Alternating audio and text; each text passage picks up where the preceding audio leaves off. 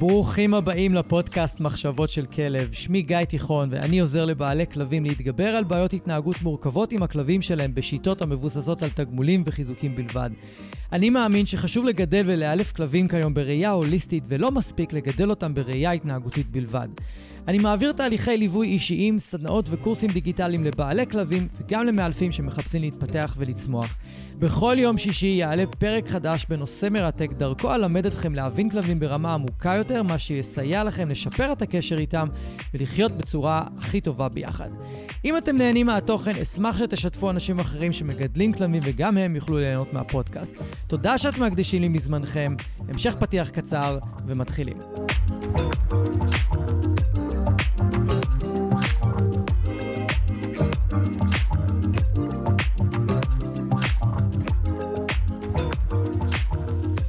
אהלן, מאזינות ומאזינים, ברוכים הבאים לפרק 146 בפודקאסט, והפרק הזה מיוחד, כי זה הפרק הראשון שאני מקליט אחרי שעברנו את 100 אלף ההורדות לפודקאסט. כן, כן, לפני שלוש שנים העליתי את הפרק הראשון, שבו סיפרתי ושיתפתי אתכם על המעבר שלי ממאלף מסורתי למאלף force free, והגבתם אליו מאוד חזק, אהבתם מאוד את מה ששיתפתי בפרק, ומאז אתם מאזינים באופן קבוע. ואני רוצה להודות לכם מעומק ליבי על השיתופים והפרגונים ועל הסיפורים האישיים שלכם וכל מה שאתם שולחים לי בהודעות הפרטיות והשיתופים שלכם בסטוריז וברילסים. ובלי העזרה שלכם, כמובן שלא היינו מגיעים ל-100 אלף הורדות ול-146 פרקים, ובכלל לא הייתה לי את המוטיבציה להמשיך ולעשות את הפודקאסט הזה. ואני שמח לספר לכם ולהכריז שעוד חודשיים, אנחנו נחגוג שלוש שנים. זאת אומרת שאני רוצה לתכנן אירוע גדול ואירוע כיפי, שבו אתם תגיעו ותקבלו הדרכות והרצאות, או אפילו סדנאות, לגבי הנושאים שהכי הכי הכי אהבתם והאזנתם להם בפודקאסט, אבל לא לדבר על אותם הדברים, אלא להביא דברים חדשים, להביא את האורחים שאהבתם, אבל שהם ייתנו לנו עוד תוכן ועוד חומר ועוד ידע כדי להעשיר אתכם, לעזור לכם לשדרג את איכות החיים של הכלבים שלכם, לטפל בבעיות התנהגות שאולי יש להם, ובאופן כללי פשוט לעשות לכם המון טוב. אז תעקבו, תהיו בעניינים, אני מפרסם הכל גם בסטוריז, גם בניוזלטר שלי, גם באינסטגרם, גם בטיקטוק, בכל מקום. ואם אתם לא עוקבים אחריי, אני, יש לכם למטה בתיבת טקסט את ה... קישורים לכל הרשתות החברתיות, אני אוסיף שם קישור להרשמה לניוזלטר, שאתם יכולים להירשם, תרדו למטה למטה בתיבת טקסט ואתם תמצאו את זה שם. אז כדי לדעת מתי האירוע יוצא לפועל, וכמובן יהיו מקומות מוגבלים, תעקבו אחריי, תירשמו לניוזלטר ותמשיכו להקשיב לפודקאסט, כי בוודאות אני אפרסם הכל כאן. אז הפרק שלנו הפעם עוסק במה שנקרא תיאוריית היצרים, או תורת היצרים. עכשיו, קודם כל חשוב להבין שתורת היצרים, תיאוריית היצרים, אין לה שום תמיכה במדע ובחקר על התנהגות כלבים. אין. זה משהו שמאלפים המציאו מזמן מזמן, אני לא יודע מה המקור ומי המציא ומאיפה, וזה תפס והתגלגל וקיבל חיים משלו, התורה הזאת, והיום מאלפים משתמשים בה בצורה מאוד שגויה, קלוקלת, כי זה מה שלימדו אותם בבתי ספר. ואף אחד לא מדבר על התורה הזאת בצורה מסודרת ובצורה שהיא תהיה יותר תואמת למה שהמדע יודע, ולבוא ולשים את, ה, את הדגשים על מה המדע לא יודע, על מה אולי אנחנו המצאנו שהוא לא אמיתי, ואיפה אפשר להגיד על תיאוריית היצרים שהיא שגויה והיא לא נכונה, ואנחנו לא צריכים להתייחס אליה. ולמה חשוב להבין ולהכיר את התורה הזאת? הסיבה הראשונה היא זה שהמון מאלפים בעולם משתמשים בתורה הזאת כדי להסביר התנהגויות, והם תולים את כל ההסבר ההתנהגותי לבעיה שיש עם הכלב בתיאוריית היצרים. ומה שחוקרי כלבים אומרים לנו היום, בצורה חד משמעית, וזה גורף באופן גלובלי, זה שהתנהגות כלבים הרבה יותר מורכבת ממה שאנחנו נוטים ונטינו לחשוב בעבר ואנחנו, ככל שחוקרים יותר, מגלים שההתנהגויות של כלבים הן מאוד מורכבות, ויש שם ניואנסים מאוד מאוד קטנים שאנחנו עדיין לא הבנו, כי אנחנו לא חיים את העולם החושי של כלבים, אנחנו לא מריחים כמוהם, ואנחנו לא שומעים כמוהם, ואנחנו יותר מנותקים מהאינטואיציה שלנו, לעומת כלבים שיש להם אינטואיציה מאוד חזקה. כל עוד הם בריאים בנפשם ובגופם, יש להם אינטואיציה טובה. וכולכם מכירים וראיתם דוגמאות על כלבים שפתאום התרחקו מבן אדם מסוים, ואחרי שהכרתם קצת את הבן אדם, אתם הבנתם למה הכלב שלכם התרחק ממנו. או נשים שהולכות ברחוב ומספרות שפתאום הכלבה שלהם התמקדה בבן אדם מסוים והתחילה לנבוח על הבן אדם, ובדיעבד מסתבר שהבן אדם עקב אחרי האישה והכלבה קלטה את זה. אז יש אין ספור דוגמאות לזה, אני בטוח שיש לכם דוגמאות אה, אישיות. ומאחר ואנחנו מנותקים מהאינטואיציה שלנו, ואנחנו לא חיים את העולם הרגשי של אה, כלבים, ולא את העולם החושי שלהם, אז אנחנו לא יכולים לבוא ולהסביר את ההתנהגות שלהם רק דרך תורה אחת או תיאוריה אחת. וכמו שהסברתי בשני פרקים שלמים שעשיתי על איך כלבים חושבים, מה מניע אותם, מה מניע את ההתנהגות שלהם, אז אפשר להגיד בבטחה שכל מאלף, או כל בן אדם, אפילו וטרינר, כל איש מקצוע בתחום הכלבים, או אפילו בעל כלב, זה לא משנה, שמנסה להסביר התנהגות של כלב רק דרך תיאוריית היצרים, או תורת היצרים, הוא פשוט חוטא למה שנקרא חקר התנהגות של חיות, חקר התנהגות של כלבים. כי כפי שאתם תראו בפרק הזה, אנחנו נדבר גם על מהו יצר, מהו דחף, מהו צורך פנימי, ונעשה הפרדה ביניהם. כי אם אני מנסה להסביר התנהגות של כלב כיצר, אבל זה בעצם נובע מאיזשהו צורך בסיסי, אני מפספס לחלוטין את הפתרון המתאים למה שעובר על הכלב. לצורך העניין, נגיד ויש לי גור, והוא נושך אותי המון, והוא, מה שקרה, רודף אחריי בבית ונושך לי את הרגליים הרבה, נושך את הספה הרבה. בקלות מאלף יכול לבוא ולהגיד, בגלל שהגור רודף אחריי, מאתר אותי, נושך אותי, נושך אותי המון, הוא יכול להגיד שזה מופ... נובע מיצר משחק, או יצר ציד, או משהו בסגנון. שבכלל יצר משחק הוא גם הגדרה בעייתית מאוד. אבל אם אני אחקור את הגור הזה יותר לעומק, ואני אגלה שהוא משלשל, ואני אגלה שכואבת לו הבטן, ואז אני אטפל לו בבטן, והנשיכות האלה יפסיקו או יפחתו בצורה מאוד משמעותית, אז כל ההסבר של יצר ציד, בגלל זה הגור צד אותך בבית ונושך לך את הרגליים, הוא לא תקף. או למשל באודר קולי, שרודף אחרי מכוניות שעוברות לידו בכביש, זה נובע כתוצאה מיצר הראייה שלו, או יצר הרדיפה, שגם יצר רדיפה בעייתי, נדבר על זה בהמשך. אבל אם הכלב הזה נדרס פעם על ידי מכונית, ולא טיפלו בטראומה שנוצרה לו כתוצאה מזה, או שהוא כמעט נדרס, מכונית הבילה אותו באיזושהי צורה. ואז אנחנו מתחילים לטפל בפחד של הכלב. עושים, מעבירים אותו תהליך של שינוי רגשי, ומצמצמים את תחושת הפחד שלו כל פעם שמכונית עוברת, והוא מפסיק לרדוף אחרי מכוניות. אז ההסבר הזה של יצר הראייה, שמפעיל את המרדף אחרי מכוניות, לא תקף. מה שתקף הוא הפחד שהיה לכלב. לכן, התיאוריה הזאת לא יכולה להסביר התנהגויות של כלבים בצורה מלאה, בגלל שני הפרקים השלמים שעשיתי על איך כלבים חושבים, איך הם פותרים התנהגויות, מה מניע אותם, מה מפעיל אותם. יש לכם שעתיים שלמות רק על הנושא הזה שמה, ואני מאוד ממליץ, אם לא הקשבתם להם, ללכת ולהקשיב, כי זה ישלים לכם את מה שאני מדבר עליו בפרק הזה.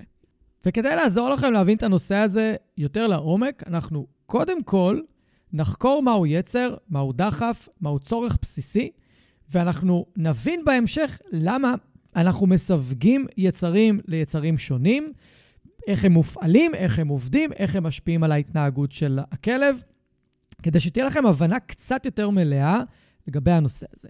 אז אם אני צריך להגדיר יצר בתור מדען התנהגות של בעלי חיים, יהיה זה מדויק לומר שיצר לא רק מניע בעל חיים לפעולות ספציפיות, אלא כרוך לרוב בסט של התנהגויות קבועות שהן ספציפיות למין, בהתאם לסוג הדחף המופעל.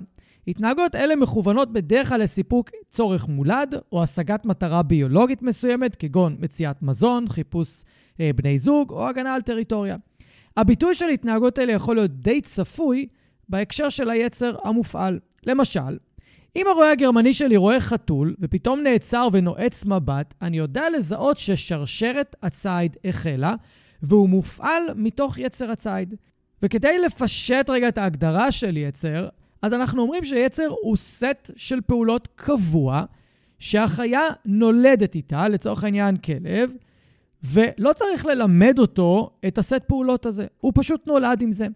וכדי שהסט פעולות יצא, יבוא לידי ביטוי, צריך לקרות משהו, או איזשהו טריגר פנימי, כמו איזשהו צורך בסיסי, כמו רעב, צמא, מחסה, רצון לביטחון, אה, צורך להגן על טריטוריה וכולי, או איזשהו צורך חיצוני.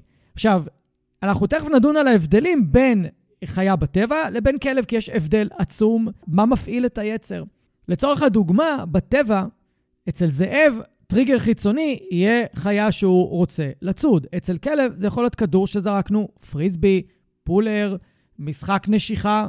זה יכול להיות אפילו חתול ברחוב, שהוא לא רוצה לצוד בהכרח כדי לאכול אותו.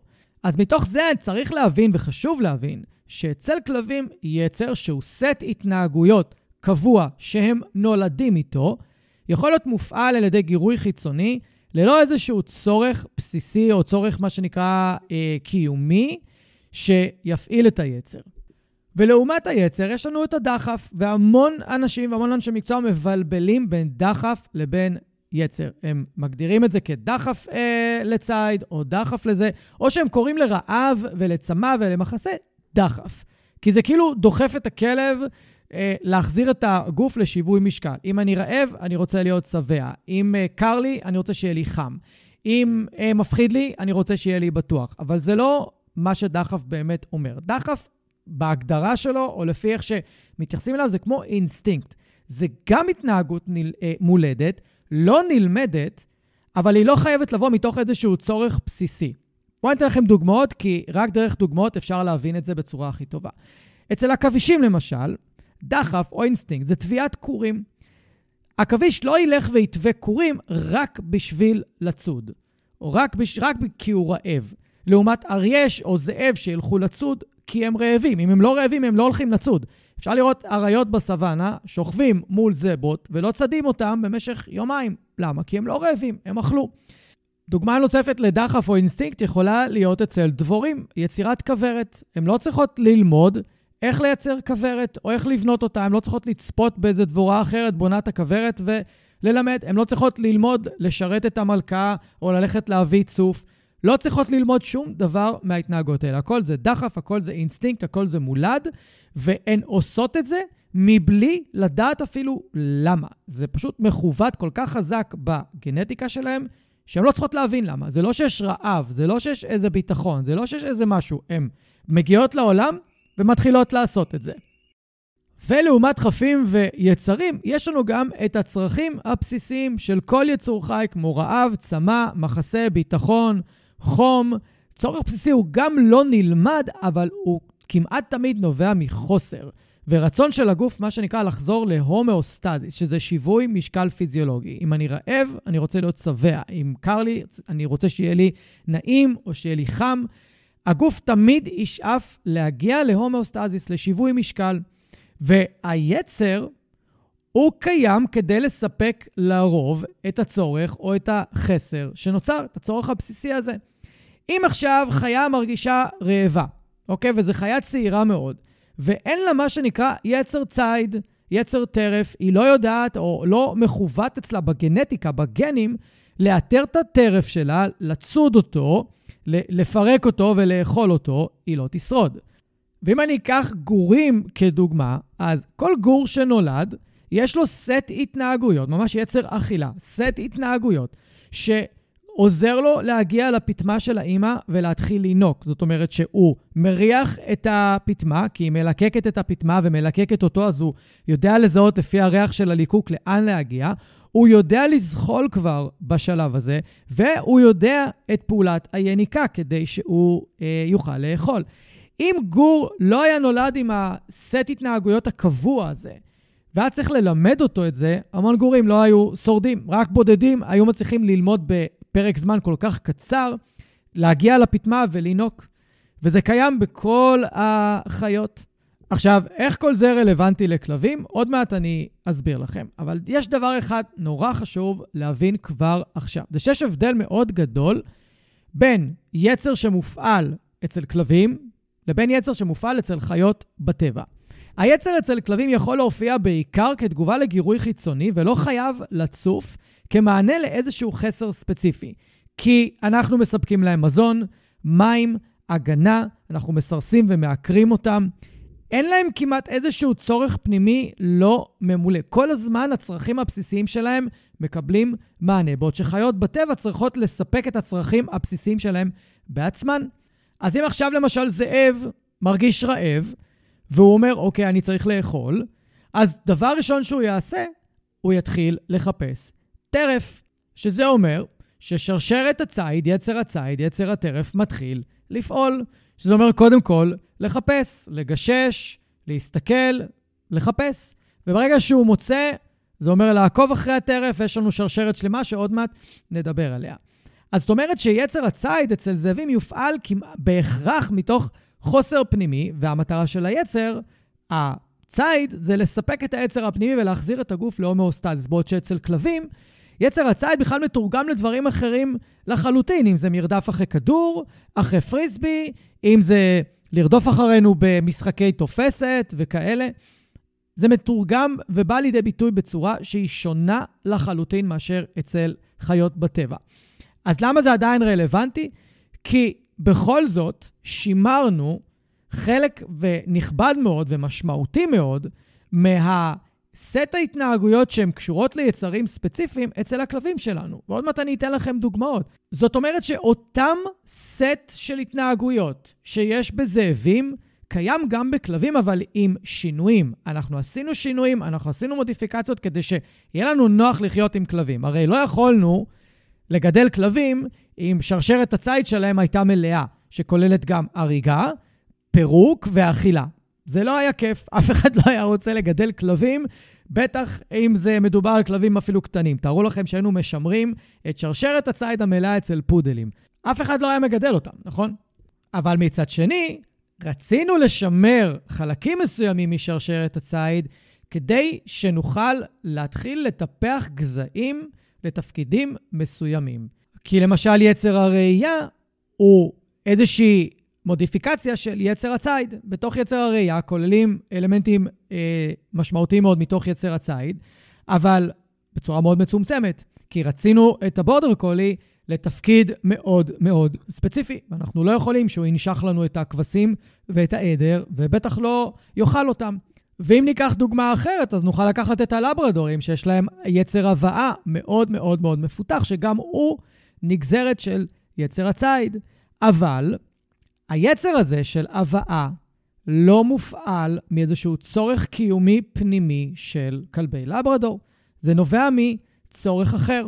זה נובע בכלל מהתפקיד הקדום של לברדורים של לקפוץ למים, להביא את האהבה הזו, את הברווה הזו, את הציפור שהצייד אה, הוריד מהשמיים, ולהביא את זה לצייד, ואם צריך, גם להשלים את המלאכה ולהרוג את החיה שהוצד. אז זאת אומרת שאנחנו ידענו לקחת חלקים מסוימים מיצר הציד ולהמיר אותם ולהפוך אותם ליצרים אחרים. ושוב, למה אנחנו קוראים לזה יצר? כי זה סט התנהגויות מאוד מאוד קבוע. אבל עוד מעט נדבר על מה הבעיה סביב ה- לקרוא לזה יצר, שזה סט אה, קבוע. ואז גם למדנו להמיר את היצר האמיתי, כמו שנתתי דוגמה עם הלברדורים עכשיו, למשחק. לרדוף אחרי כדור או לרדוף אחרי ציפור, שצריך להביא אותה, ללברדור במוח זה נתפס קצת אותו הדבר. ולכן אנחנו יכולים לקחת גזעים כמו רועה בלגי, רועה גרמני, בורדר קולי, לברדור, גולדן וכאלה, ולהמיר המון מהסטים ההתנהגותיים האלה שטבועים בהם להמון התנהגויות אחרות. מה שאנחנו לא כל כך יכולים לעשות עם כלבי הבר. מאחר ואין להם סט התנהגויות ממוקד ממש כמו אצל הגזעים שאנחנו יצרנו. מה שאנחנו כן יכולים לראות אצל כלבי הבר, זה את יצר השוטטות בצורה מאוד מאוד מאוד חזקה. מי שיש לו כלב כזה יודע שברגע שלקחתם את הכלב לשדה פתוח או לאיזשהו מקום שקט כמו המדבר, הכלבים האלה פורחים וכל מה שהם רוצים זה פשוט ללכת ולהסתובב ולטייל ולרחרח. וזה משהו שהשתמר אצלם, זה משהו שקיים אצלם, כי זה קשור גם להישרדות עבורם. כל ציד מתחיל בשוטטות, מתחיל בחקירה. אם לא יהיה את זה, לא יהיה ציד לצורך העניין. והכלבים האלה הרבה פעמים חייבים לצוד כי הם חיים בתנאים שמאלצים אותם. אז אם לסכם את החלק הזה ממש בכמה שורות, אנחנו מבינים שיש לכלבים יצרים, שזה סט התנהגויות קבוע שהם נולדים איתו, כאשר הבולט שבהם הוא יצר הציד, ויש להם יצר התגוננות עצמית, שאפשר, מה שנקרא, להרחיב להגנה עלינו או על טריטוריה. אצל רוב הכלבים היצר יופעל בעיקר בגלל טריגר חיצוני ולא בגלל חסך כלשהו שיש למלא, ולכן קל יותר לנתב יצר לא ממומש אם נזהה את הטריגר שמפעיל אותו. לעומתו יש את הדחף, שזה פעולה אינסטינקטיבית מולדת, שלא חייב להיות לה טריגר חיצוני או איזשהו טריגר פנימי, החיה יכולה פשוט לעשות אותה, ויש לנו צרכים בסיסיים, שצורך בסיסי זה כמו רעב, צמא, דברים שהגוף חייב כדי לתפקד וכדי לשרוד. ובחלק הזה, החלק השני, אני רוצה שנדבר על היצרים. בואו אני אתן לכם רשימה של היצרים ואנחנו נדבר עליהם ונבין מה הבעייתיות עם כל יצר ולמה יש בעיה להגדיר דבר מסוים כיצר, ואז ללכת ולהסביר התנהגות של כלב כיצר. אז הראשון ברשימה הוא יצר הלהקה. וזה בעצם הרצון של הכלב לאינטראקציה חברתית עם בני אדם או כלבים אחרים. זה מושש בהיסטוריה האבולוציונית של הכלב כחיות להקה, שבהן מבנה חברתי ושיתוף פעולה היו המפתח להישרדות. עכשיו, זה לא חייב להיות להקה. דיברנו על זה בפרק אחר, על ההבדלים בין זאבים לכלבים, ושם הרחבתי על הנושא הזה. אז הנטייה להאמין ולחשוב שכלבים עם יצר להקה חזק הם לעיתים קרובות מאוד חברתיים, הם מאוד רוצים להתקבץ בקבוצה, הם עובדים היטב בקבוצות, או אפילו במשפחות. עכשיו, הסיבה העיקרית בעצם להתקבץ זה בעיקר כדי לשפר את יכולות השרידה של אה, כלבים. בשונה מזאבים, ששם הלהקה היא התא המשפחתי, אבא, אמא, צאצאים, וכמובן זאבים מבוגרים. אצל כלבים, ברוב המקרים, מעט מאוד מקרים זה כמו אצל זאבים, אבל ברוב המקרים זה פשוט חבורה של כלבים שהתקבצה לה והתחברה, ואין לה מנהיג אחד, כולם יכולים להתרבות עם כולם, אין איזה זוג אלפא אחד שהוא המתרבה. והמטרה היא פשוט לשרוד יותר טוב, בין אם זה לשמור על טריטוריה או ללכת ולהשיג אוכל. עכשיו, מה הבעיה אם לקרוא לזה יצר הלהקה? שקודם כל, זה לא להקה, לצורך העניין. יותר מדובר על איזושהי שייכות חברתית. זה המונח היותר אה, נכון מבחינתי, לצורך העניין. יצר השייכות, יצר ההשתייכות, אה, איזשהו דחף ל- להתקבץ כי יש איזשהו מנגנון פנימי שמניע את הכלב, או בלי אפילו לדעת למה, שתהיה בקבוצה, אתה תשרוד יותר טוב. אנחנו רואים את זה. כלבים שהם חיים לבד, חפשו טונות של סרטונים ברשתות, ואתם תראו שכלבים שחיים לבד, לרוב הם חולים, לרוב הם פצועים, לרוב הם לא יכולים להסתדר. הם צריכים את החבורה איתם, הם צריכים איזושהי קבוצה איתם.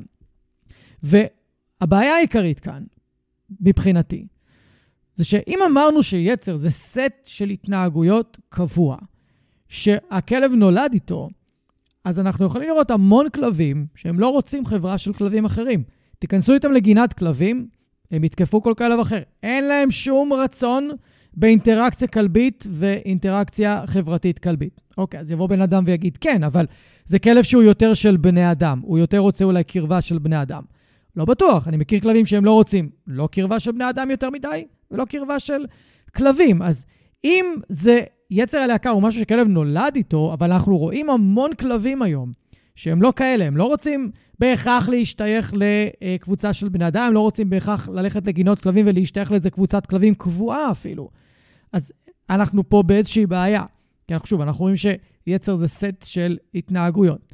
אוקיי, אבל אפשר לבוא ולהגיד, סבבה, יכול להיות שיש יצר, אבל אולי הכלב הזה נמצא בסביבת מחיה שהיא מאוד לא מתאימה לו, גורמת לו לחוויית סטרס מאוד גדולה, שהוא פשוט כבוי וסגור בתוך עצמו ולא פתוח לכל ההיכרויות ואינטראקציות חברתיות, ומשם נובע הקושי שלו ומשם נובעת ההתבודדות שלו, או החוסר רצון שלו לאינטראקציה. אוקיי, אני מקבל את ההסבר הזה. ואני לא סתם מתאר את הסיטואציות האלה, כי זה חוזר למה שאני דיברתי עליו בתחילת הפרק. שלבוא ולהסביר התנהגות של כלב רק דרך יצר, זה בעיה. זה הרבה יותר מורכב מזה. כל פעם שאתם מקבלים הסבר שהוא מבוסס על יצר, אתם צריכים להטיל בו ספק, כי סביר להניח שההתנהגות של הכלב וההסבר ההתנהגותי הוא הרבה יותר מורכב מפשוט להסביר, אה, ah, יש לו יצר להקה, אה, ah, יש לו יצר הגנה. זה לא עובד ככה. אבל אני כן אגיד שכלב שחווה כגור חוויה מאוד טובה בקרבה לבני אדם או קרבה לכלבים, כמובן שהוא ירצה יותר אינטראקציה איתם, עם איפה שהוא חווה חוויה טובה, וזה כמובן יגביר את הרצון שלו להיות בקרבה, אם זה כלבים או בני אדם. אז זאת אומרת שכדי שיצר להקה יבוא לידי ביטוי, הכלב צריך להיות במצב נפשי טוב, וצריכה להיות לו איזושהי חוויה קודמת מאוד טובה, אחרת יכול להיות מעין, אה, תקראו לזה ביטול של היצר, הוא פשוט לא יבוא לידי ביטוי. היצר השני שנדבר עליו הוא יצר ההגנה, או אני יותר אוהב לקרוא לו יצר ההתגוננות, כי בדרך כלל כשאנשים אומרים יצר ההגנה, הם באופן אינטואיטיבי, מבלי שהם יודעים, יותר מתכוונים לפרוטקשן, שזה הגנה על מישהו, וזה לא מה שהיצר הזה אה, אומר. יצר הגנה זה Defense Drive, זה יצר התגוננות. זה הרצון של כל פרט בעולם, כל יצור בעולם, להגן על עצמו. אז אם אני צריך להגדיר את זה, זה אומר שזה האינסטינקט של הכלב להגן על עצמו ועל הלהקה שלו במידה והוא חי בתוך אחת כזאת. זה יכול להתבטא כתוקפנות אה, מגוננת כאשר הכלב תופס איום על עצמו או על חבריו ללהקה. אה, הכשרה וסוציאליזציה הם חשובים מאוד להבטיח שהיצר הזה יבוא לידי ביטוי כראוי. זאת אומרת שאם זה כלב שיצר הלהקה שלו הוא נמוך או לא קיים, כמו שאמרנו מקודם, לא יהיה לו רצון להגן על חברי להקה אחרים או על כלבים אחרים בסביבה שלו, או אפילו על אה, המשפחה שמגדלת אותו. עכשיו, בתוך היצר ההתגוננות, זה כולל גם את תגובת הלחימה וגם את תגובת הבריחה, או אפילו לפעמים תגובה של הברחה. עכשיו, הרבה פעמים אנשים יקראו לתגובת הלחימה של הכלב יצר מלחמה, יצר לחימה, אבל אין כזה דבר. כי להמון כלבים אין יצר מלחמה, אין. אה, הדבר הראשון שהם יעשו כשכלב אחר יתקוף אותם ברגע שהם יהיו, יהיו בתחת מתקפה, זה לצרוח ולהתגונן, והם לא יילחמו. ועל אותו משקל אנחנו נראה כלבים שיכולים להיות, לעבור התעללות על ידי בני אדם, והם לא מחזירים לבני אדם. הם רק אה, נכנעים, קופאים, והם לא מגיבים. שאני תמיד, הלוואי והם היו מגיבים. אז תגובת המלחמה או תגובת הלחימה היא תגובה שקיימת אצל חלק מהכלבים, ואפילו אנחנו שימרנו אותה בתוך יצר ההתגוננות בכוונה, כדי שגזעים כמו מרמנו, קווקזי, אסייתי, אה, מסטיפים למיניהם, יוכלו להגן על, על העדר שהם שומרים עליו מפני טורפים. הם יהיו חייבים שתגובת המלחמה, תגובת הלחימה, תהיה שם, אחרת הם לא יוכלו להגן כמובן. ואם אנחנו ניקח את זה לחיי היום-יום עם הכלבים של רובכם, אז כל מי שיש לו כלב בר בבית, והוא נובח המון דרך הדלת או דרך החלון, ברגע שהוא שומע רעשים מבחוץ, אפשר להגיד שמופעל פה יצר ההתגוננות. אנחנו מרוויחים מזה סוג של שמירה על הטריטוריה. אני יכול להראות לכם כלבים שהם נובחים על איומים כלפי חוץ, אבל ברגע שהאיום הזה יתקרב אליהם או יאיים עליהם, התגובת לחימה שלהם היא כל כך נמוכה, שהם יפסיקו לנבוח והם לא ימשיכו לאיים, והם לא ינסו להבריח את האיום. יצא לי להתקל בזה המון פעמים. ואם אנחנו נצלול קצת יותר לעומק ליצר ההתגוננות, אז בסופו של דבר, בשורה התחתונה, בפנים, בפנים, בפנים, היצר מופעל מפחד. נטו מפחד. אם הכלב לא ירגיש פחד, אין לו צורך להתגונן. וזה מהות, אגב, הטיפול בפחד מכניסת אורחים, פחד מאנשים, פחד מילדים.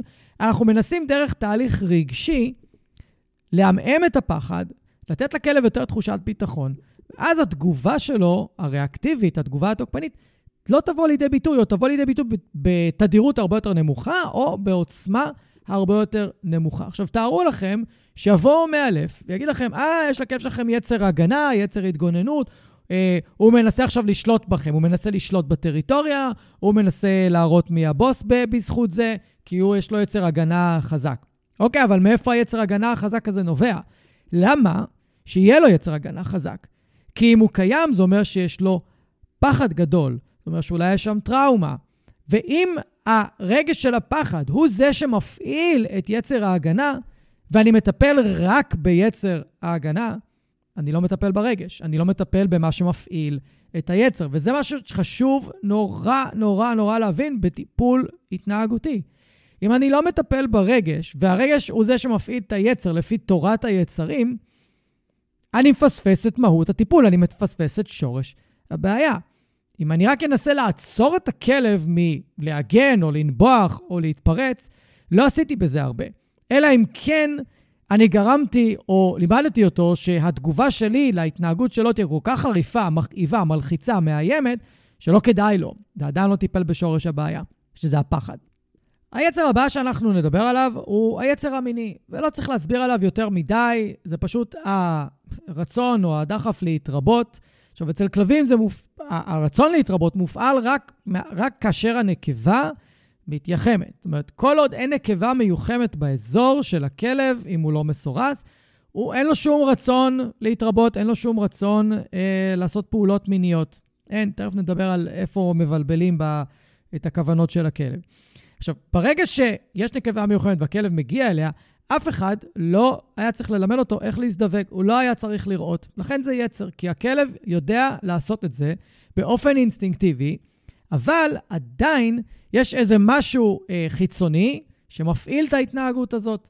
ואיפה הרבה פעמים אה, מבלבלים את היצר הזה ועושים ממנו אה, רעש גדול ושזה כלום ושום דבר?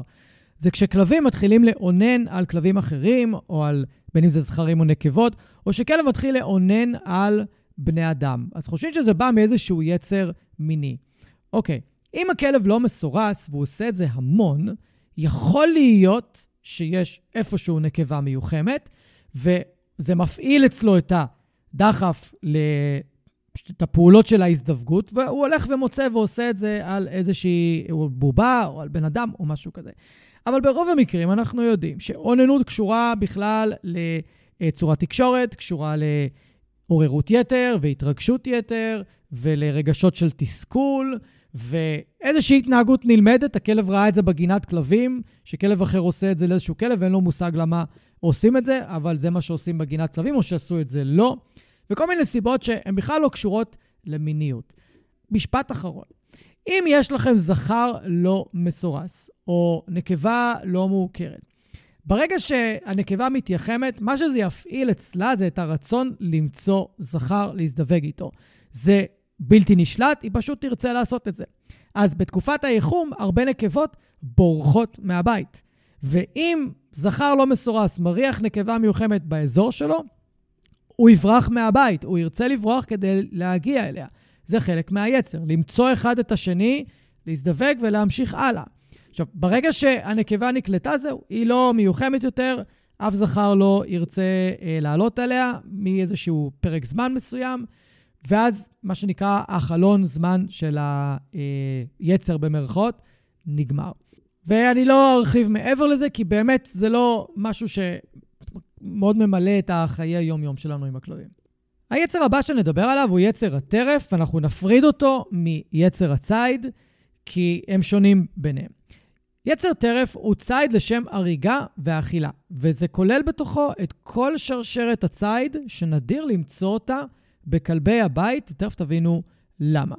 וכמו כל יצר, הוא מורכב מרצף של התנהגויות שמובילות בסופו של דבר לרכישה של מזון. והשרשרת המלאה היא חיפוש או מעקב, בעצם הכלב משתמש בחושיו כדי לאתר טרף, זה יכול להיות דרך שימוש בראייה, שמיעה ובעיקר ריח. אוקיי? הכלב יכול לגשש או לפשפש כדי למצוא אה, את הטרף שלו. מעקב אחרי הטרף. זאת אומרת שאחרי שהכלב איתר אותו, הוא עשוי לעסוק במעקב. כולנו ראינו ב-National Geographic איך חיות עוקבות אחרי טרף בתנועה מאוד איטית וזהירה כדי להימנע מגילוי. ושלב זה מאופיין בגישה מאוד ממוקדת ומבוקרת, ואפשר לראות את זה אצל כלבים שפתאום קולטים חתול ברחוב, ברחוב, נעצרים, קופאים אפילו כדי שלא יראו אותם, או שלא יזהו את התנועה שלהם. לפחות ככה הם מאמינים. יש מבט ממוקד מאוד, והם מחכים, מה שנקרא, לשעת כושר. שעת כושר זה המרדף, שזה השלב הבא בשרשרת. שהכלב יוזם מרדף ברגע שהוא קרוב מספיק, או עם הטרף מתחיל לנסות לברוח. זה, אה, זהו שלב המרדף שבו בעצם כמה שהכלב יותר מהיר וזריז, זה יעזור לו. השלב הבא בשרשרת זה התפיסה והנשיכה. זאת אומרת, קודם כל הכלב יתפוס את הטרף וייתן לו נשיכה כדי לעמם אותו, או כדי להבטיח שהוא בעצמו לא ייפגע, ואחר כך מגיעה נשיכה שנועדה להרוג. זאת אומרת שכל הכלב יהרוג את, ה, את החיה עצמה. לאחר מכן יגיע השלב של הפירוק, פירוק הטרף לחתיכות. סליחה אם התיאור הזה ככה לא נעים לשמוע, אבל זה חלק מה, מהשרשרת. ובסוף כמובן זה האכילה. עכשיו, אנחנו אצל כלבי הבית, הורדנו לחלוטין את כל מה שקשור לפירוק ואכילה, אבל לא בהכרח הורדנו את הנשיכה ואת ההריגה מכל הגזעים. כי כמו שציינתי, למשל, את הפוינטר הגרמני, הוא מבחינתו, לפחות לפי היכולות שלו, יכול להגיע לטרף שהצייד אה, הוריד מהאוויר, ולהרוג אותו, ולהביא אותו אה, לצייד, במקום לאכול אותו, במקום אה, להשלים את שרשרת הציד. זאת אומרת שאנחנו המרנו חלק מהשרשרת אצל פוינטרים לשרשרת אחרת, כדי שנוכל להשתמש בו לצרכים שלנו. כנ"ל לברדור, כנ"ל פודל, כן, כן, גם פודלים, במיוחד הגדולים, וכל מיני כלבי מים למיניהם שאפשר למצוא בארצות אחרות, ובארץ אין כל כך. אז זאת אומרת שאצל כלבים אנחנו יותר מתייחסים ליצר הטרף כאל יצר ציד, בגלל שאין את כל השרשרת. נדיר מאוד למצוא כלבים שהשרשרת המלאה נשתמרה אצלם, והכלבים האלה הופכים להיות כלבים מאוד מאוד מאוד קשים לגידול, במיוחד כאלה שכבר הרגו חיות אחרות, כי ההרג של חיה אחרת הוא מאוד מאוד מתגמל לכלב, מאוד מתגמל. מאוד קשה להוציא את זה. אה, בדרך כלל אי אפשר להוציא את זה, בדרך כלל אפשר רק לנהל את זה. אבל המזל הגדול זה שאנחנו לא טיפחנו כלבים, או לא, באופן, לפחות לא באופן מודע, כלבים שיש להם את השרשרת המלאה. מה שאנחנו עשינו אצל כלבים זה המרה של היצר המלא לחלקים. דרך טיפוח וסלקציה גנטית, אנחנו ממש הסרנו את ההריגה ואת האכילה מיצר הציד. יש גזעים שמסוגלים, כמו שאמרתי, להרוג טרף קטן, כמו פוינטרים, לבודורים, גולדנים, פיטבולים, ולהביא אותו לצייד, או סתם לעזוב אותם, ממש, כאילו, ממש, כלב שהרג חתול ברחוב, לרוב הוא לא יאכל אותו, פשוט יעזוב אותו, בצער רב. או ששימרנו אצלם יצר ציד כקבוצת כלבים, כמו ציד של חזירי בר, אבל עם כלבים גדולים, עם בלאדאונדים. אם חבורה של בלאדאונדים תגיע לחזיר בר, הם כן יכולים ביחד להרוג אותו, אבל שוב, הם לא יאכלו אותו, אלא אם כן, זה מה שהאנשים לימדו אותם לעשות. זאת אומרת, הם אפשרו להם לעשות את זה. עכשיו, מאחר ויצר הציד כולל בתוכו חיפוש, מעקב, מרדף, נשיכה, אנחנו יכולנו לקחת המון כלבים שיש להם את הסט הזה, את היצר הזה בצורה טבעית, ולהתחיל להמיר את זה לצרכים שלנו. אז לצורך העניין, אצל בורדר קולי, אנחנו עצרנו את השרשרת במרדף. בורדר קולי, כדי לבצע את העבודה שלו, את יצר הראייה, שאנחנו כאילו המרנו את זה ליצר ראייה וקראנו לזה יצר ראייה, השארנו את זה רק בחיפוש, מעקב ובמרדף. זה הכל. אנחנו לא רוצים שבורדר קולי ינשך את הרגליים של העדר. זה לא נחשב להת, להתנהגות ראייה טובה. זה אומר שהיצר ראייה של הבורדר קולי הוא שלב אחד מעבר למה שהיינו רוצים. אבל מצד שני, יש לנו את כל ה... מה שנקרא הילרים, שזה גם רואים, אבל הדרך שלהם לראות היא דרך נשיכה בעקבים של העדר. זה יכול להיות בלו הילר, וזה יכול להיות הקורגים לצורך העניין. אז אצלם השתמרה השרשרת עד הנשיכה, והם רואים את העדר דרך חיפוש, דרך מעקב, דרך מרדף וגם דרך נשיכה. אז הכל תלוי איזה רועה יש לי, כי רועים גרמנים לצורך העניין גם יכולים לעשות את זה אם אנחנו נכוון אותם לעבודת ראייה מסוימת. ואם אני אקח לצורך העניין את הפוינטר שנתתי דוגמה מקודם, אצ... אצלו שימרנו עד נשיכה והריגה, כולל לברדורים, כולל גולדנים, וכל מיני אה, האונדים, צי, אה, כלבי ציד למיניהם, שהם לא כמו פוינטרים, כמו הבלאדהאונד, כמו בסטאון, גם ביגלים. אנחנו יכולים גם לראות את זה אצל טריירים מסוימים, כמו ג'ק אה, ראסל טרייר, כמו קיירין טרייר, כמו ווסט היילנד ווייט טרייר, כל אלה, שימרנו אצלם את השרשרת עד לנשיכה והריגה, כי התפקיד המקורי של הגזעים הקטנים האלה, של הטריירים הקטנים האלה, היה להרוג חולדות ועכברים בחוות, כי הם יכולים להיכנס לכל המקומות שהחולדות והעכברים יכולים להיכנס, מה שכלבים גדולים לא יכולים לעשות. אממה, למרות כל מה שאמרתי עכשיו, שבאמת בפוטנציאל, נגיד אצל טריירים, השרשרת של מחיפוש ומעקב עד לנשיכה והריגה השתמרה, בטיפוח שלהם אנחנו לא רצינו שזה יבוא באופן אוטומטי. אז מה קרה, או מה עשינו יותר נכון?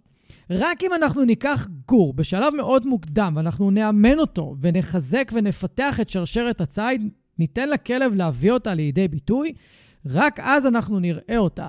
אבל אם אנחנו נגדל קיירן טרייר או ווסטי, או אפילו שנאוצר, שגם הם ציידים ממש טובים, אבל אנחנו נעבוד איתם חזק מאוד על לעצור את שרשרת הציד הרבה לפני המרדף, או רק במרדף עצמו, אז אנחנו לא ניתן להם, או הם לא יגיעו יותר נכון, לשרשרת המלאה שהם מסוגלים להגיע אליה.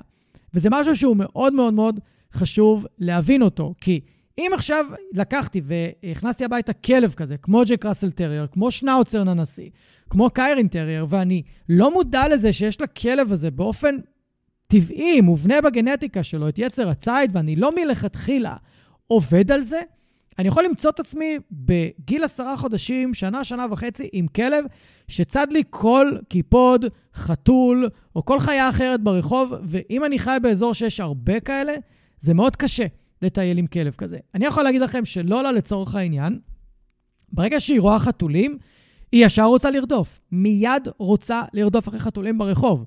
זאת אומרת שהיצר ציד שלה, אם אני, שוב, הולך לפי תיאוריית היצרים, זה חיפוש, כי היא מחפשת אותם, היא יודעת למצוא אותם, היא כן מנהלת אחרי מעקב, אבל היא מסתירה אותו ממני, כי היא לא רוצה שאני אעצור אותה מראש, אבל אני רואה איך היא עוקבת, והיא כן יכולה ללכת ולרדוף. עכשיו, אשכרה היום בבוקר, היא הצליחה אה, לרוץ לכיוון חתול, כמובן הייתה קשורה ברצועה שאני לא ראיתי אותו, היא הפתיעה אותי. והיא הגיעה עד לחתול, החתול נתן לה כמה כאפות, איים עליה והיא יצרה. היא לא המשיכה, היא לא ניסתה לתפוס אותו והיא לא ניסתה לעשות שום דבר מעבר. זאת אומרת שאצל לולה, בואו ניקח את המקרה הזה כאיזשהו מקרה בוחן, שהיא, אצלה השרשרת נעצרת במרדף, זהו, היא לא תעבור את זה, שמבחינתי זה מצוין. אבל אם אני גם מסתכל על אורח החיים שלה בבית, שהיא חיה עם שלושה חתולים פה, זה ברור לחלוטין שהשרשרת תיגמר רק במרדף. כי אם השרשרת ציד של לולה הייתה מגיעה גם לנשיכה והריגה, היא לא הייתה מסוגלת לחיות עם חתולים. והרבה פעמים כשאני מגיע לבתים שרוצים לגדל כלב וחתול ביחד, זה הדבר הראשון שאני מחפש אצל הכלב. האם יש לו שרשרת ציד מלאה, שכוללת גם נשיכה והריגה? כי אם כן, זה לא כלב שיכול לחיות עם חתול. גם אחרי הרגלה, תמיד יכול לקרות איזה משהו, תמיד יכול להיות איזשהו טריגר, תמיד יכול משהו להפעיל את היצר הזה, זה לא שאנחנו יכולים להעלים אותו לחלוטין או לכבות אותו לגמרי, שמעמיד את החתול בסכנה. אז אם אני מוצא את זה בבית, בבית שרוצה לגדל כלב וחתול, אין סיכוי, הם לא יכולים לחיות ביחד. עכשיו, אם נחזור ליצר הציד, אז יש כמה דברים מאוד מעניינים לגביו. זה שמתוכו אנחנו הצלחנו לפתח שני יצרים שהם לא ממש נמצאים בטבע. זה לא, לא תמצאו את זה שם. כי אין להם כל כך, אה, אין להם שימוש, אוקיי? זה יצר הבאה ויצר ראייה. אז יצר ראייה אני תיארתי אה, מקודם, ניתן לזה רגע תקציר קטן. יצר ראייה נראה אצל גזעי אה, עדרים, אה, רועי עדרים יותר נכון. אה, זו צורה שונה של היבט המרדף של טורף אחרי, אה, צ... אחרי ציד. וזה כרוך בשליטה בתנועה של בעלי חיים אחרים, אך ללא כוונה להרוג. אגב, באודרים יכולים לעשות את זה גם לילדים בבית, לצורך העניין, או לחתולים אפילו בבית. וכלבים שיש להם יצר ראייה חזק, הם לרוב בעלי יכולות אימון מאוד מאוד גבוהות, והם מצטיינים בפעילויות המחקות פעולות ראייה. וזה לא רק זה.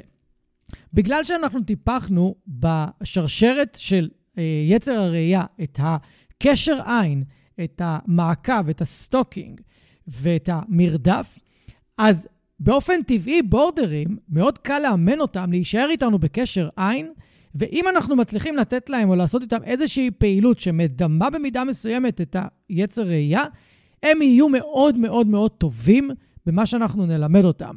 כי הם יכולים לשמור איתנו על קשר עין וללמוד את כל הניואנסים הקטנים, וכי אנחנו משאירים אותם במוטיבציה מאוד גבוהה לעשות את מה שאנחנו רוצים שהם יעשו, כי זה חלק מהיצר שלהם, זה חלק מה... דבר מההתנהגות הטבעית שלהם, מהגנטיקה שלהם. לכן מאוד קל, הרבה פעמים כלבים כאלה, להגיע לתוצאות מאוד גבוהות בכל מיני תחרויות וריקודים עם כלבים ודברים בסגנון הזה. כנ"ל אג'יליטי כמובן. ויש לנו את יצר ההבאה, שלמיטב הבנתי זה פיתוח של התפיסה של הציד ללא ההריגה שלו.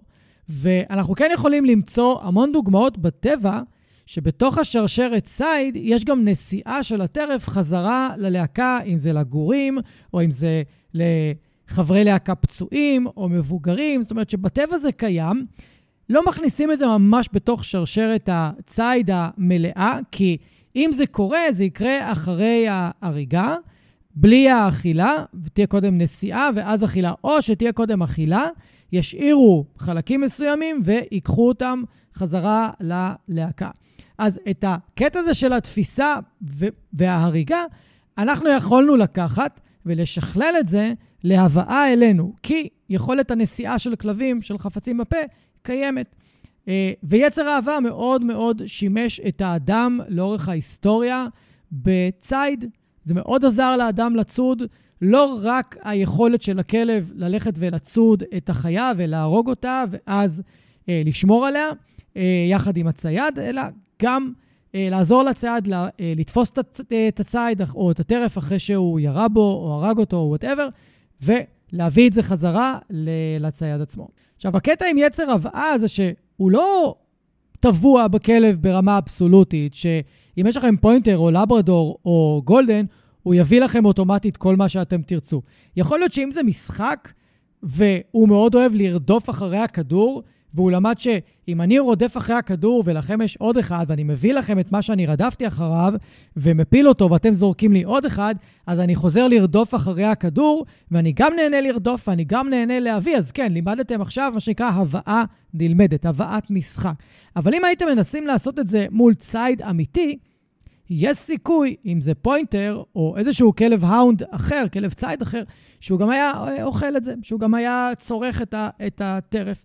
וציידים שעובדים, ויצא לי לעבוד עם צייד לפני הרבה מאוד שנים, פעם אחת יצא לי לעשות את זה, הוא הסביר לי שחייבים ללמד את החיה, חייבים ללמד את הכלב יותר נכון, להביא את זה, ולא לאכול את הציד ולא אה, לברוח איתו, אלא להביא את זה. זאת אומרת שההבאה אלינו, כחלק מיצר הבאה, אם אנחנו מדברים על ציד אמיתי, הוא משהו שחייבים ללמד את הכלב לעשות. בעוד שזה עם צעצוע, אני מזכיר, גם יש מה ללמד, אבל הלמידה היא יותר למידת משחק, מה שנקרא. זה לא היצר הבאה האמיתי, אלא זה נגזרת שלו, אנחנו משתמשים בו בשביל שהכלב יביא לנו אה, דברים. וזה לא פלא שבורדר קולי, אה, גולדנים, אה, לברדורים גם, רואים גרמנים, כל הכלבים שיש להם יכולת לשאת בפה ושהם נהנים לשאת בפה חפצים, הם יהיו כלבי שירות מאוד מאוד טובים לאנשים שזקוקים שהכלב יביא להם כל מיני דברים, או ירים להם מהרצפה כל מיני דברים. ובעצם אנחנו משחקים על הנטייה הטבעית של הכלב לכל מיני אה, תפקידים אחרים, שכל עוד אנחנו עושים את זה בצורה טובה, מספקים לכלב את הצרכים הבסיסיים שלו, פורקים לו אנרגיה וכל זה, הוא יוכל להיות כלב שירות מעולה, למרות שזה לא בדיוק מה ש... היצר המקורי אה, שהשתמשנו בו. היצר האחרון שאנחנו נדבר עליו הוא יצר החקירה, יצר השוטטות, זה בעצם המוטיבציה לחקור את הסביבה. וכלבים עם בעלי כושר חקירה גבוה, שהם סקרנים מאוד ונהנים לגלות מקומות חדשים וריחות וחוויות אה, אה, חדשים, אתם תראו אותם יותר מתרחקים מכם, יותר הולכים, אה, יותר בורחים לצורך העניין, התלונה המפורסמת של בעלי הסקי זה שהם לא רוצים לחזור, הם פשוט הולכים ומתרחקים. ורוני גם הייתה כזאת. רוני, היה לה יצר חקירה מטורף, היא כל כך אהבה לשוטט, היא כל כך אהבה לחקור, ללכת, להסתובב, לרחרח, לחפור. זה היה הדבר שהיא הכי אהבה לעשות, היא אהבה לרוץ בשטחים פתוחים. לכן הייתי לוקח אותה בכל הזדמנות ש... שהייתה לי. וגם לימדתי אותה עם הזמן לא להתרחק יותר מדי, לשמור על קשר עין, למרות שהיא נראתה כמו בורדר קולי, היא ממש לא, לא הייתה בורדר קולי ולא היו לה תכונות של בורדר קולי, בטח לא שמירה על קשר עין. היא הייתה, להפך, הייתה הולכת ובקושי מסתכלת, והייתי צריך לעבוד מאוד קשה על הקשר בינינו ולחזק את הקשר, ועל חיזוקים מרחוק, ועל לחזור אליי כדי שהיא לא תיעלם לי. היו כמה פעמים שנעלמה לי בחיים ונעלמה לכמה דקות וחזרה. אה, וזה בגלל שיצר החקירה הוא מאוד מאוד גבוה, היה מאוד גבוה אצלם. ואם יש לכם כלב כזה, אז בהחלט צריך לעבוד איתו על אליי, וצריך לעבוד איתו על קשר עין, וצריך לעבוד איתו על לבדוק שאתם אה, נמצאים ולא להתרחק יותר מדי. אחרת זה כלבים שאנשים מדווחים עליהם שהם פשוט בורחים, פשוט נעלמים. לא מתוך פחד, לא מחרדה, לא כי משהו הבהיל אותם, לא כי הם פחדו, אלא ראו חתול ורצו ולא הסתכלו אחורה, ראו איזה כלב רחוק ורצו אליו לשחק איתו ושכחו שאתם קיימים. דברים כאלה. ככה מתאפיינים כלבים שיש להם יצר חקירה מאוד מאוד מאוד אה, רציני. ואם יש לכם כלב כזה, אתם חייבים לקחת אותו כמה שיותר לשטחים פתוחים, גם אם זה אומר עם רצועה ארוכה של 10 מטר, ולאפשר לו לשוטט, לאפשר לו לחפור, לאפשר לו לשכב בשמש, לאפשר לו לרוץ, לאפשר לו להיות כלב, לאפשר לו להביא את זה לידי ביטוי. ולא סתם, אני כל הזמן אומר למי שיש, אה, שמגדל כלב בר בבית, כלבי מדבר, כנעני עמותות, צאו איתם כמה שיותר לשטחים פתוחים. ותסתובבו איתם, ואתם לא צריכים לעשות שום דבר. פשוט קחו אותם על רצועה ארוכה של 10 מטר, 6 מטר, מה שנוח לכם, ופשוט תנו להם לשוטט איזה שעה, שעתיים. הם יהיו כל כך מבסוטים, יהיו כל כך מאושרים, ואם אתם יכולים לשחרר אותם, אתם בטוחים שהם לא יברחו, עוד יותר טוב. ואם הם יוכלו לפגוש כלב ולשחק איתו, עוד יותר טוב. ואם הם יוכלו לחפור ולנסות לחפש כל מיני חיות קטנות בכל מיני מחילות, ו- ולעקור עשבים, ולעקור אה, ענפים, או לשכב בשמש, עוד יותר טוב. זה, זה ממלא אותם, זה מספק אותם, זה הדבר שהם הכי אוהבים לעשות והכי רוצים לעשות. אז אם יש לכם כלב כזה, עכשיו אתם מבינים למה הפעילות הזאת היא, מאוד חשובה, מאוד קריטית, וחשוב להתמיד איתה על בסיס שבועי. אז אם נסכם רגע את רשימת היצרים המוכרת, זאתי שיש סביבה איזושהי הסכמה לגבי העובדה שאלה יצרים, אנחנו מדברים על יצר הלהקה, יצר הגנה או התגוננות, כמו שאני אוהב לקרוא לו, יצר המין, יצר הטרף, שממנו נגזר יצר הציד, שאנחנו מכירים בכלבים היום, יצר אכילה, יצר הבאה, יצר ראייה ויצר החקירה, שהוא היה האחרון שדיברנו עליו. בחלק האחרון של הפרק אני רוצה לדבר איתכם על למה תיאוריית היצרים היא כל כך בעייתית, וגם לתת דוגמאות ליצרים שהם לא באמת יצרים, אלא הם פשוט התנהגויות ש... קיבלו איזושהי הרחבה ליצר בגלל חוסר הבנה, חוסר מודעות, בורות של מאלפים ואנשי מקצוע, שלא באמת הולכים וחוקרים את המדע שמאחורי התנהגות כלבית. לא חסרים אנשי מקצוע בתחום שממציאים את עולם האילוף ואת תחום האילוף לפי מה שהם רואים, לפי מה שנראה להם. הם ראו את זה על כלב אחד, והם עכשיו הולכים ומכלילים את זה על כל הכלבים. לא באמת דברים שמבוססים על מחקר ו- ועל תצפיות שנעשו על כלבים לצורך העניין. עכשיו, אם אנחנו מסתכלים רק על תיאוריית היצרים, אנחנו מבינים שמה שמפעיל את היצר הוא טריגר פנימי, ובדרך כלל גם טריגר חיצוני, ואנחנו יכולים להתייחס רק לכלבים. אז אנחנו מדברים על זה שהטריגר הפנימי שבדרך כלל יפעיל יצר זה איזשהו חסך, זה איזשהו צורך קיומי, לאו דווקא איזשהו דחף או איזה אינסטינקט. והצורך הקיומי יכול להיות, אמרנו, רעב, יכול להיות צמא, תחושה של ביטחון, תחושה של חום, תחושה של קור, יכול להיות כל מיני אה, דברים. והמטרה שלנו, התפקיד שלנו זה לזהות מה מפעיל את הכלב, למה ההתנהגות קרתה. זה מה שחוזר על עצמו בפודקאסט המון, של להבין למה הכלב עשה את מה שעשה דווקא עכשיו. ואם אני אלך ואני אסביר לפי תיאוריית היצרים למה הכלב משך אותי בטיול, אז אני יכול להגיד כי הוא מריח חתול, או הוא שומע איזה משהו והוא רוצה להגיע אליו, והוא מתחיל לרוץ, הוא מתחיל את שרשרת הציד. יכול מאוד להיות, אם זה כלב שהוא אוהב לרדוף אחרי חתולים, אוהב לצוד חתולים, מאוד יכול להיות, ואנחנו יכולים לראות את זה אה, אצל כלבים בצורה מאוד ברורה. כלבים ש... צדים חתולים בטיולים, אנחנו נראה אותם מאוד מתוחים, באלרט מאוד גבוה, כל הזמן מחפשים, כל הזמן בחיפוש, כל הזמן בחקירה, כל הזמן במעקב, כל הזמן מנסים עם העיניים שלהם לאתר, ואז ברגע שהם מאתרים, הם סוג של ננעלים במרכאות, הם מתמקדים, מתבייתים, ואז אם אנחנו לא נעצור אותם בזמן, הם ירצו לרדוף. ואז כן, כלב כזה, אני יכול להסביר את ההתנהגות שלו בתור, אה, מתוך שרשרת הציד. אבל אם נגיד יש לי כלב שמתקשה להיפרד מבני זוג שהם נפרדים בטיול, קורה הרבה פעמים שיצאתם ביחד לטייל עם הכלב, ואחד מכם או אחת מכם צריכים ללכת למקום אחר, או שפשוט ירדתם ביחד ואתם עוד דקה בדרך תתפצלו, והכלב לא מסוגל לשאת את זה. הוא עכשיו בבכי וקפיצות באוויר, ומה קרה שאתם מתפצלים, אוי ואבוי, בלה בלה בלה. יש כאלה שיגידו, כן, יש לכלב יצר ראייה חזק, הוא חייב שכולם יהיו ביחד. ולפעמים וה... האבסורד מבחינתי הוא שאומרים את זה על איזשהו כלב שאם מסתכלים עליו, אי אפשר לזהות שום סממן של יצר ראייה, לא בשום התנהגות אחרת שלו. אבל זה יהיה יצר ראייה. או שזה יהיה יצר להקה מאוד אה, חזק, אז הוא לא רוצה שייפרדו, הוא רוצה שכולם יהיו ביחד. עכשיו, יכול להיות, אבל שוב, אני רוצה לשאול למה הכלב עושה את מה שהוא עושה. מאיפה זה מגיע? מה ההיסטוריה של הכלב סביב היפרדויות? מה ההיסטוריה אה, של הכלב סביב ההיפרדות מהדמות המטפלת הראשונה שלו, שזה האימא? האם העבירו אותו תהליך של היפרדות מדמות מטפלת בבית, כשיצאו לעבוד, כשיצאו מהבית והוא נשאר לבד? האם עשו את זה?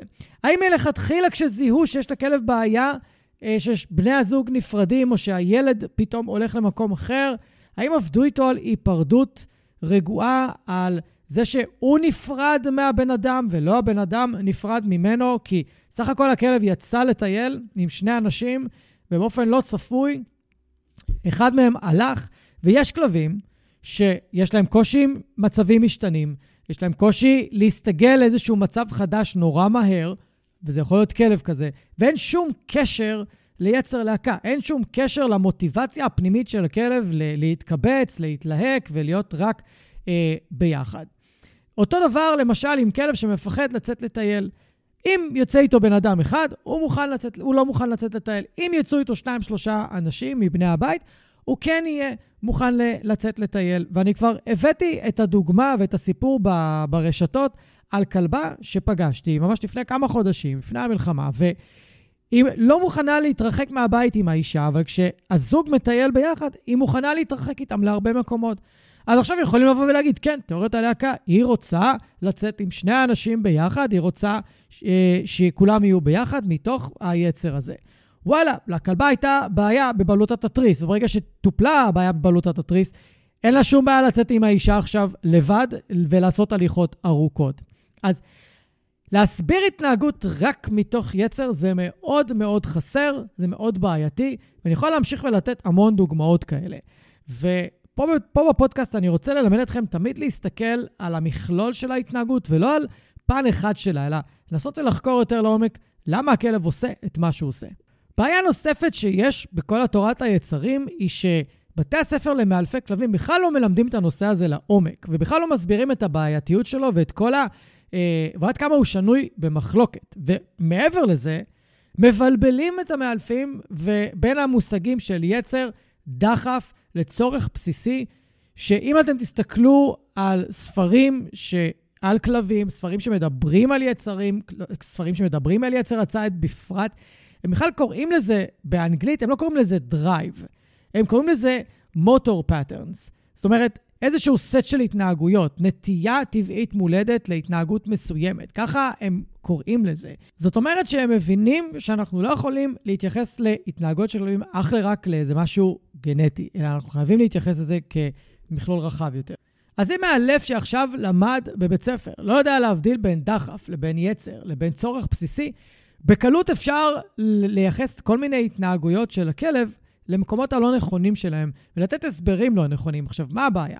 שכשמסבירים משהו דרך תיאוריית היצרים, או אפילו דרך תיאוריית הדומיננטיות ותיאוריית הלהקה, הדברים נשמעים מאוד מאוד מאוד הגיוניים, והם מסתדרים, כי לרובנו חסר ידע, ואם זה מסתדר לנו ברמה ההגיונית, אוקיי, אז כנראה שזה נכון.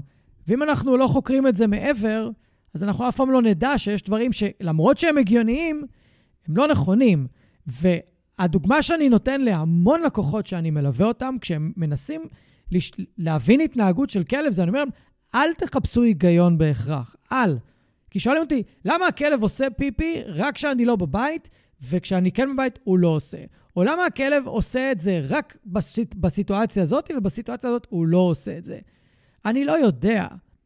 בשורה התחתונה, הניסיון שלי מראה לי שאני לא מחפש היגיון בהתנהגות של כלבים, כי אין היגיון הרבה פעמים. יש איזשהו אה, אה, טריגר פנימי או טריגר חיצוני שמפעיל את ההתנהגות, ולא תמיד אני אוכל להבין מהו. לא תמיד אני אוכל לראות אותו, לשמוע אותו או להריח אותו כמו כלב, ואז קשה לי להבין. ואז אני לא מוצא היגיון. אז אני אומר, לא, אם אין היגיון, אה, אני, אני לא יכול להסביר את ההתנהגות. זה לא עובד ככה בהתנהגות של כלבים, במיוחד שחסר לנו המון ידע על ההתנהגות שלהם. אנחנו צריכים לחפש את הטריגרים, צריכים לחפש מה מפעיל את הכלב כל הזמן. ברגע שנבין ונדע ונמצא, יהיה לנו יותר קל לתת איזשהו פתרון. וכן, חלק מההתנהגויות של כלבים, יש להם אלמנט של יצר, שזה אומר שהכלב קולט משהו או מרגיש משהו, ופתאום מתחילה איזושהי התנהגות שהיא בלתי נשלטת. לצורך העניין, הדוגמה באמת הכי טובה שאפשר אה, לתת, זה בורדר קולים שהם יכולים אולי לראות אה, כבשים או לראות אה, חיות שהם בדרך כלל רואים, או אם הם נמצאים בבית, ויש להם יצר ראייה יחסית חזק, אבל הם לא מקבלים פורקן, זאת אומרת, לא לוקחים אותם לשיעורי ראייה, או עושים איתם איזושהי פעילות אחרת שתפרוק חלק מהיצר, הם יכולים לפתח התנהגויות מאוד אובססיביות ומאוד קומפולסיביות סביב רדיפה אחרי צללים, אה, לראות את הילדים בבית, לקבץ אותם, לרצות לקבץ את המלא אה, חפצים בבית למקום אחד. יכול להיות בגינת כלבים, תהיה להם איזושהי בעיה, ירצו כל הזמן לנסות לעצור את כולם מלשחק, כי הם רוצים שיפסיקו לזוז, זה המהות של יצר ראייה, לגרום לחיות לזוז לכיוון מסוים ואז להפסיק לזוז.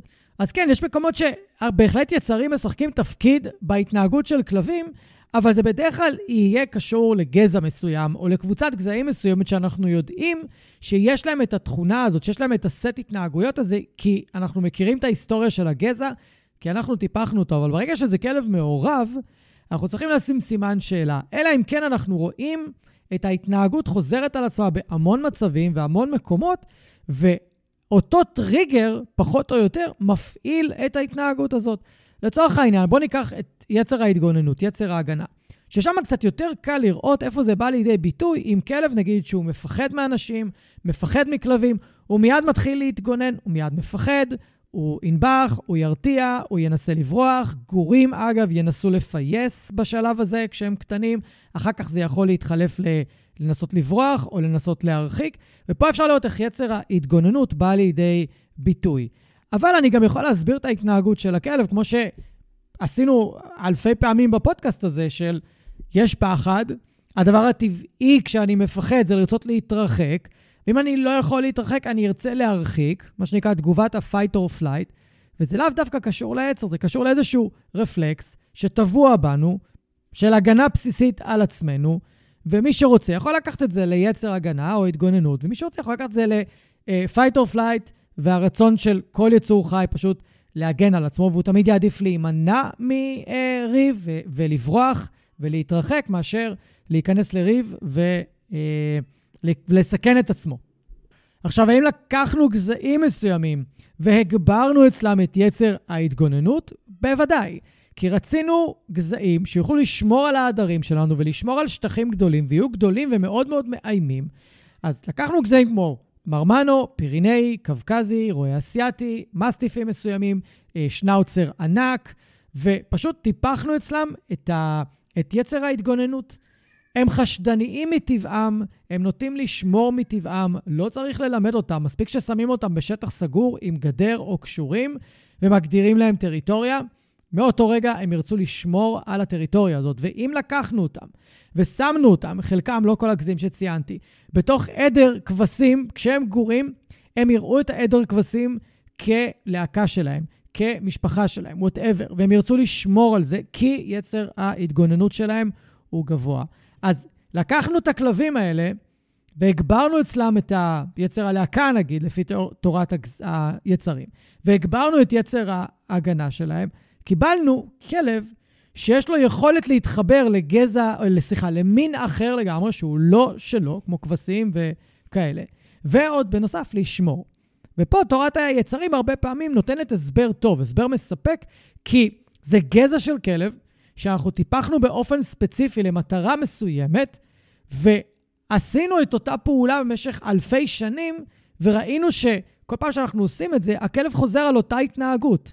זאת אומרת, הוא רוצה לשמור. אז מה זה אומר לי? שזה באמת טבוע בתוך הגנטיקה של הכלב. כי הנה, אני עושה את זה המון פעמים, הרבה מאוד אנשים אחרים עשו את זה, והכלבים האלה, לא משנה איפה הם נמצאים בעולם, מתנהגים פחות או יותר בצורה דומה. זה יכול להיות הגדרה טובה ליצר, ואז באמת אני יכול לבוא ולהגיד, אוקיי, הכלב הזה פועל מתוך יצר. אם אני אסתכל על כלבי הבר לצורך העניין, אני גם יכול להגיד במידה מסוימת שאצל רובם יצר ההתגוננות פועל בצורה מאוד חזקה, כי רובם חשדניים מטבעם, רובם מפחדים אה, מבני אדם, טוב, אני לא יודע אם רובם, אבל הרבה מהם. הם זקוקים לחשיפה מאוד מאוד מסיבית ומשמעותית לחיים בסביבה של בני אדם כדי להיות חברותיים ולהסתדר איתם בצורה טובה, ומאוד קל להדליק אצלם יצר התגוננות. מאוד קל לגרום להם לנבוח מחוץ לבית, לנבוח על רעשים ש, אה, של אנשים שעושים שהם קרובים לבית, או של כלבים. אנחנו לא צריכים ללמד אותם אפילו לה, לה, להרגיש מתי יש רעש חשוד או איזו תנועה חשודה מחוץ לבית שלנו, בטח אם יש לנו חצר וגדר. הם עושים את העבודה לבד, לא צריך ללמד אותם שום דבר. וכמעט כל כלב כזה שתשימו בחצר, גם אם הוא מאוד חברותי לכלבים, סביר להניח שהוא יתנהג באותה צורה. אז אפשר להגיד, אוקיי, יש פה משהו גנטי, יש פה משהו טבוע בהתנהגות של הכלב, שברגע שהוא חש איום, הוא מרגיש פחד כתוצאה מאיום סביבתי, הוא אה, יתנהג בצורה טריטוריאלית, כמו שהרבה אנשים אוהבים לקרוא לזה. אבל בשורה התחתונה, מה הוא עושה? הוא מזהיר שהוא נמצא פה, הוא מזהיר שהוא קיים והוא מנסה להרחיק. אבל אם אנחנו, אצל רוב הכלבים האלה, אנחנו נהיה אלה שמהווים את האיום על הכלב, הוא הרבה פעמים לא יחזיר לנו. פה היצר הזה נעצר, כי זה אנחנו. עכשיו, יכול מישהו לבוא ולהגיד, כן, כי יצר הלהקה שלו יותר אה, גבוה. יכול להיות. לפי תורת היצרים זה יכול להיות הסבר שמתקבל על הדעת. אבל גם יכול להיות שהכלב הזה כל כך מפחד מבני אדם, או שהוא חווה משהו כל כך נוראי מהאנשים שמטפלים בו, אתן בכוונה דוגמה קיצונית, שהוא לא רוצה להגיב חזרה, וזה לא קשור בכלל ליצר הלהקה, זה לא קשור לחיבור שלו לאנשים שמגדלים אותו. אז לקראת סיום, אני רוצה לתת לכם כמה דוגמאות ליצרים, או מה שהרבה מאלפים מגדירים כיצר, והוא לא באמת יצר. זה פשוט תגובה או, או התנהגות שהיא חלק משרשרת הציד. אז למשל, זה יצר הדומיננטיות. יצא לי לשמוע אותו כמה וכמה פעמים במהלך הקריירה שלי כמאלף כלבים, ואין כזה דבר. זה פשוט לא קיים. בכלל, דומיננטיות זה מונח מאוד מורכב. אני דיברתי עליו בכמה פרקים קודמים, אתם מוזמנים להקשיב. אין כזה דבר יצר דומיננטיות. דומיננטיות באופן כללי היא לא תכונת אופי אצל כלב, היא התנהגות מאוד אה, קשורה לסיטואציה, והיא לאו דווקא אה, אה, איזושהי הוויה של הכלב. יצר נוסף שמגדירים אותו בתוך רשימת היצרים זה יצר משחק, אבל יש לי קצת בעיה להגדיר את זה כיצר, זאת אומרת, התנהגות מובנית, התנהגות שהגור נולד איתה. זה נכון שגורים נולדים מאוד משחקיים, הם ישר ישחקו עם האחים בשגר, ינסו לשחק עם האימא ועם אה, זכרים בוגרים אם הם נמצאים ב- באזור. בוודאות, כן, זה קיים שם, אבל הבעיה היא זה שאם הגורים האלה מופרדים מאוד מוקדם מהשגר שלהם, בסביבות גיל חודש, חמישה שבועות, הם לא יהיו גורים שנוטים לשחק ברובם. הרבה מהכלבים האלה, ואתם מכירים אותם כי יש לכם כאלה, לא ישחקו עם כלבים אחרים, גם אם הם משוחררים ולא הולכים באמצע רחוב סואן. הם לא ירצו לשחק עם כלבים אחרים, לא בגינת כלבים, לא בשדה פתוח, לא באיזה גינה סגורה, בכלל, בכלל, בכלל. למה? כי המשחק או היכולת של כלב לשחק היא לא רק מולדת, הוא חייב ללמוד איך לשחק, וגם הראו את זה בזאבים, וגם דיברתי על זה בפרק שעשיתי על זאבים. שזה אימא זאבה מלמדת את הגורים שלה במידה מסוימת משחק. הם מגיעים עם איזה שהן תכונות מסוימות שמאפשרות להם להתחיל לשחק, אבל המשחק שלהם הוא לא באופן מלא. הם צריכים ללמוד עוד איך לשחק. במיוחד מה שהם צריכים ללמוד, גורים, זה איך להיכנע לעומת כלב בוגר, או במקרה של זאבים, זאב בוגר. הם לא נולדים שהם יודעים ישר איך לסגת או איך להיכנע כשהם עוברים את הגבול שלהם מבחינה אה, משחקית או התנהגותית. צריך ללמד אותם את זה. ויש סרטון שרץ ברשת שמראה שתפסו אימא זאבה, מלמדת את הגור שלה איך להיכנע, כי אם הוא לא ידע לעשות את זה, הוא לא יוכל להסתדר בתוך הלהקה. זה אחד מהקודים החברתיים בתוך להקת זאבים מאוד מאוד, ש... אה, אה, מאוד מאוד חשוב. עכשיו, אצל כלבים זה אותו הדבר. אם כלבים לא יודעים להפוך משחקי תפ... להפוך את משחקי התפקידים ביניהם, שפעם אתה הנרדף, פעם אני הרודף, אנחנו מתהפכים, ופעם אני מעליך ופעם אתה מעליי, אם, אם אין להם את זה, והם רק הרודפים והם רק אלה שתופסים ואלה שנושכים, זה כלבים שמהר מאוד בגינת כלבים יכולים להתעצבן עליהם, יכולים לריב איתם, והמשחק שלהם הוא לא מלא. הם לא למדו את כל הרפרטואר המשחקי. אז אפשר להגיד שזה יצר, כי מלכתחילה גורים רוצים לשחק ומחפשים את המשחק, אבל מצד שני, זה התנהגות עדיין שצריכה מאוד להתפתח ולהשתפר במהלך החיים של כל כלב. והדוגמאות למה קורה כשההתנהגות הזאת, היכולת הזאת לא מפותחת, היא נמצאת ברחובות בשפע. זה אחד הטיפולים הכי נפוצים שיש היום למאלפים, זה כלבים שלא מסתדרים עם כלבים אחרים. ודוגמה נוספת שאני יכול לתת על יצר שהוא לא באמת יצר, זה מה שנקרא יצר הרדיפה במרכאות. יותר נכון, התנהגות של רדיפה. אמרנו שרדיפה היא חלק, היא התנהגות אחת מתוך שרשרת הציד המלאה.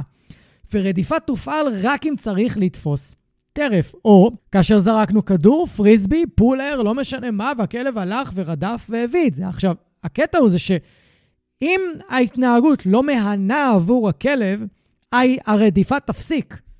היא לא תתקיים. אם אני עכשיו זורק לכלב שלי כדור, ואחרי פעמיים שלוש הוא מפסיק לרדוף ונמאס לו, אז זה לא יצר. כי יצר זה אומר שאם יהיה גירוי חיצוני, ההתנהגות תקרה באופן אוטומטי. אבל הרבה כלבים לא אוהבים לרדוף, והם לא אוהבים ללכת להביא יותר מכמה פעמים, ויש כאלה שבכלל לא. ואם עכשיו... אבל בשורה התחתונה, בסופו של דבר, רדיפה היא חלק משרשרת הציד, וזה סך הכל התנהגות, זה לא יצר. אז אם אנחנו צריכים לסכם את הפרק הזה במשפט אחד שחזר על עצמו לאורך הפרק, זה שהתנהגות כלבים היא מורכבת מהמון ניואנסים ויש מגוון של תיאוריות ומגוון של דרכים לאבחן למה כלב מתנהג כמו שהוא מתנהג. והמטרה שלנו בתור מי שמגדלים אותם, זה להבין כמה שיותר על הטריגרים שמניעים שרשרת התנהגותית מסוימת, שגורמים לכלב להתחיל להתנהג בצורה מסוימת. זה יכול להיות טריגר פנימי, רגש שמפעיל את הכלב, זה יכול להיות צורך פנימי, צורך בסיסי, כמו רעב, צמא, שדיברנו, וזה יכול להיות גם איזשהו גירוי חיצוני, איזשהו טריגר חיצוני. כמובן, זה יכול להיות איום, זה יכול להיות משהו שהכלב רוצה לרדוף אחריו, ומגוון של טריגרים. ואנחנו נסיים כאן. אני מקווה שנהניתם מהפרק. לקח לי הרבה זמן להכין אותו. הייתי צריך לשבת ולחקור עוד פעם על כל התיאוריה והתורה, כי אני כמעט ולא משתמש בה ביום-יום, רק כשאני פוגש כלבים מאוד מאוד מסוימים, שאני מזהה שיש יצר שמפעיל אותם, או איזשהו דחף מסוים, ואז אני מתחיל יותר אה, להשתמש בתיאוריה הזאת, אבל בכללי לא. אבל היא כן מאוד מעניינת, היא כן מרתקת, היא כן רלוונטית להרבה מאוד כלבים וגזעים במיוחד, ששימרנו אצלם את, ה, את היצרים הללו ופיתחנו אותם וטיפחנו אותם, ואי אפשר להתעלם מזה. במיוחד, במיוחד, במיוחד אה, יצר הציד. וזה פשוט מאוד מעניין. אז אני אשמח אה, לשמוע בתגובות אם אהבתם את הפרק ומה חשבתם עליו, ואם יש לכם תובנות משלכם, וכמובן, אם מצאתם איזושהי שגיאה או משהו לא מדויק, תגידו לי, תכתבו לי, אה, תכתבו לי אימייל, ואני אשמח אה, להתייחס לזה, ואם צריך גם לתקן בפרק. אנחנו נתראה בפרקים הבאים, יאללה ביי. ואני רוצה להגיד לכם שוב, תודה רבה שהאזנתם. אם אהבתם ואם נהניתם, אז שתפו חברים, שתפו מכרים, בעלי כלבים, תעזרו לי להפיץ את הפודקאסט הזה, אני מאוד מאוד אשמח. ותעשו follow, כדי שהאפליקציה האהובה שלכם תודיע לכם. יום שישי היום, יש עוד פרק בפודקאסט מחשבות של כלב, ואני אפתיע אתכם עם נושא חדש ופרק חדש. אז אני מקווה שנהניתם היום, היה לי מאוד כיף לארח אתכם. אנחנו נתראה עוד שבוע, תהיו טובים לכלבים שלכם, תהיו טובים לעצמכם, ושיהיה לכם אחלה של סוף שבוע.